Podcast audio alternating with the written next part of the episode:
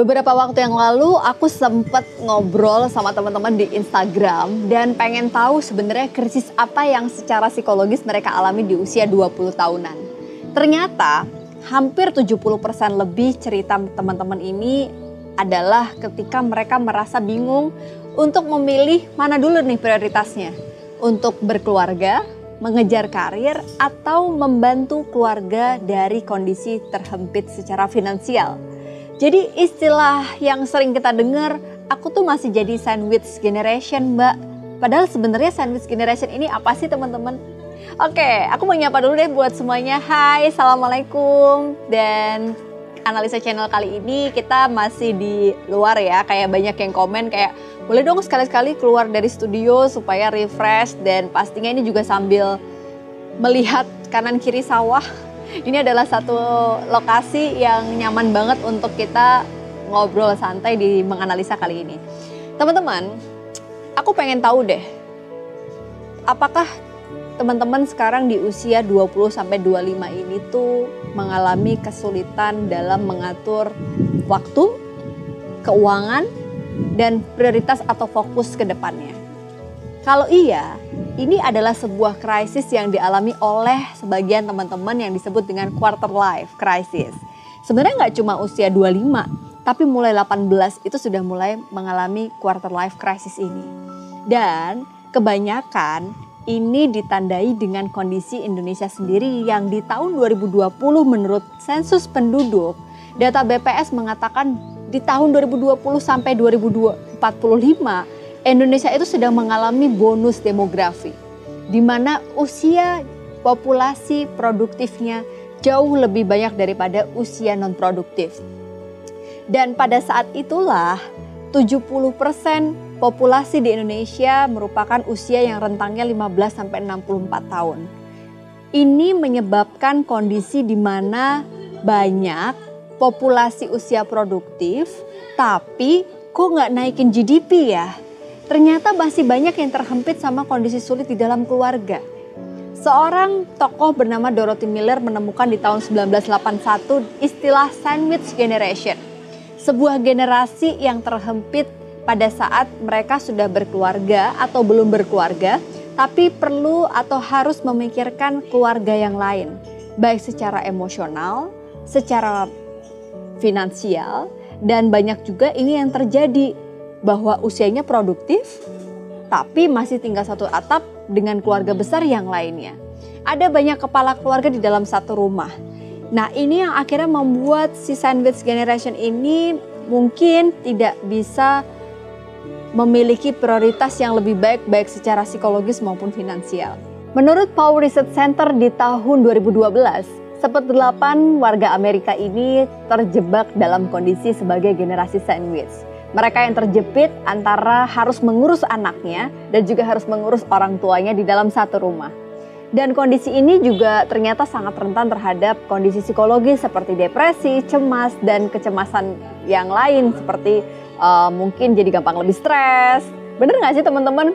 Aku pengen tahu deh, kira-kira sebenarnya beban apa sih yang teman-teman rasakan? Karena menurut penelitian yang dilakukan di Amerika, ada beberapa dimensi yang membuat seseorang ini uh, mengalami stres tertentu. Karena menurut Riley and Bowen di tahun 2005 isunya itu terkait dengan financial management, time management dan juga mereka juga merasa kehilangan energi pada saat harus bekerja.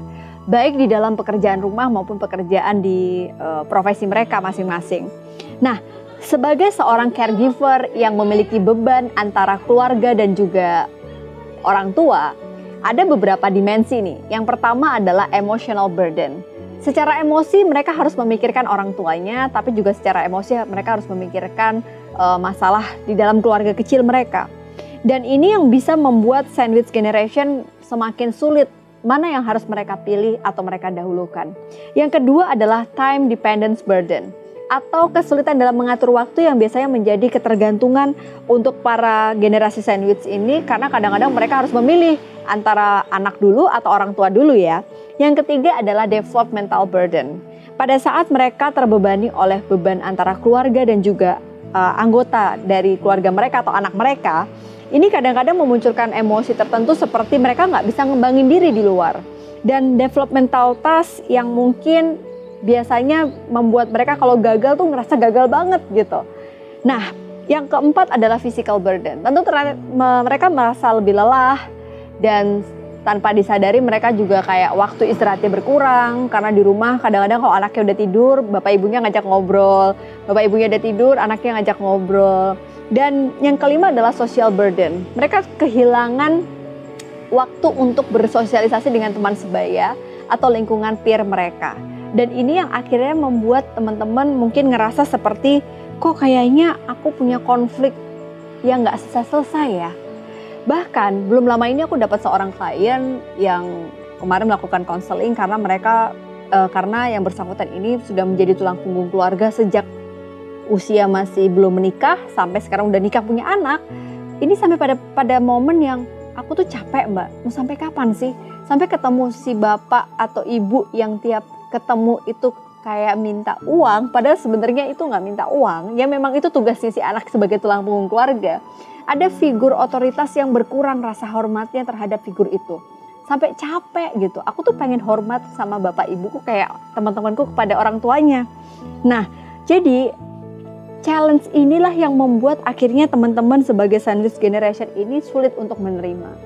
Dan kali ini aku akan kasih tips apa sih yang kira-kira bisa dilakukan oleh teman-teman yang sekarang terjepit sebagai sandwich generation. Coba deh, make a peace with ourselves. Kita tuh nggak bisa ngelak. Kadang-kadang bisa jadi rezeki kita hari ini adalah rezeki karena teman-teman punya tanggung jawab yang lebih besar daripada keluarga yang lain. Dan bisa jadi jalan rezeki orang banyak di rumah itu melalui rezeki teman-teman. Ya kita nggak pernah tahu. Menerima ini bukan bagian dari proses kita berpasrah dan berhenti berusaha. Tapi menerima menjadi bagian yang mutlak kita pilih sebagai satu dinamika dalam kehidupan kita. Yang kedua adalah jangan pernah lupa menerima ini bukan berarti kita nggak men-set benderis kita. Memberikan sebuah batasan dalam me, apa ya membantu orang lain itu kayak ada batasannya gitu. Jadi di dalam boundaries ini kita bisa punya manajemen waktu yang bagus dan yang pasti adalah financial planning is a key. Kunci banget untuk membuat set prioritas kita kalau kita punya perencanaan keuangan yang baik. Jangan sampai kita ngebantu keluarga kita tapi anak kita juga jadi susah. Nah, perencanaan keuangan yang bagus ini adalah cara kita untuk bisa mengatur boundaries seperti waktu kapan saatnya kita membantu dan kapan saatnya kita memikirkan prioritas kita pribadi secara keuangan. Akhirnya teman-teman tahu pos-pos anggaran yang memang bisa untuk kalian. Aku sering banget bikin kelas-kelas publik bareng sama Mbak Prita Gozi. Kalau teman-teman mau belajar dari segi finansial dan juga segi mental. Coba cek Instagram APDC Indonesia sama Zep Finance ya. Nah yang terakhir adalah communication dalam membuat boundaries di dalam keluarga kita pada saat menjadi seorang sandwich generation, penting banget untuk mengkomunikasikan kepada pasangan, rekan kerja, atau bahkan kepada anggota keluarga, supaya mereka juga bisa ikut berempati memaklumi apa yang teman-teman sedang alami. Nah, sebelum kita berkomunikasi dengan banyak orang, berkomunikasilah dengan diri kita sendiri. Bisa jadi apa yang teman-teman peroleh sekarang adalah bagian dari doa orang-orang yang tiap hari kita perjuangkan pada saat kita keluar dari rumah.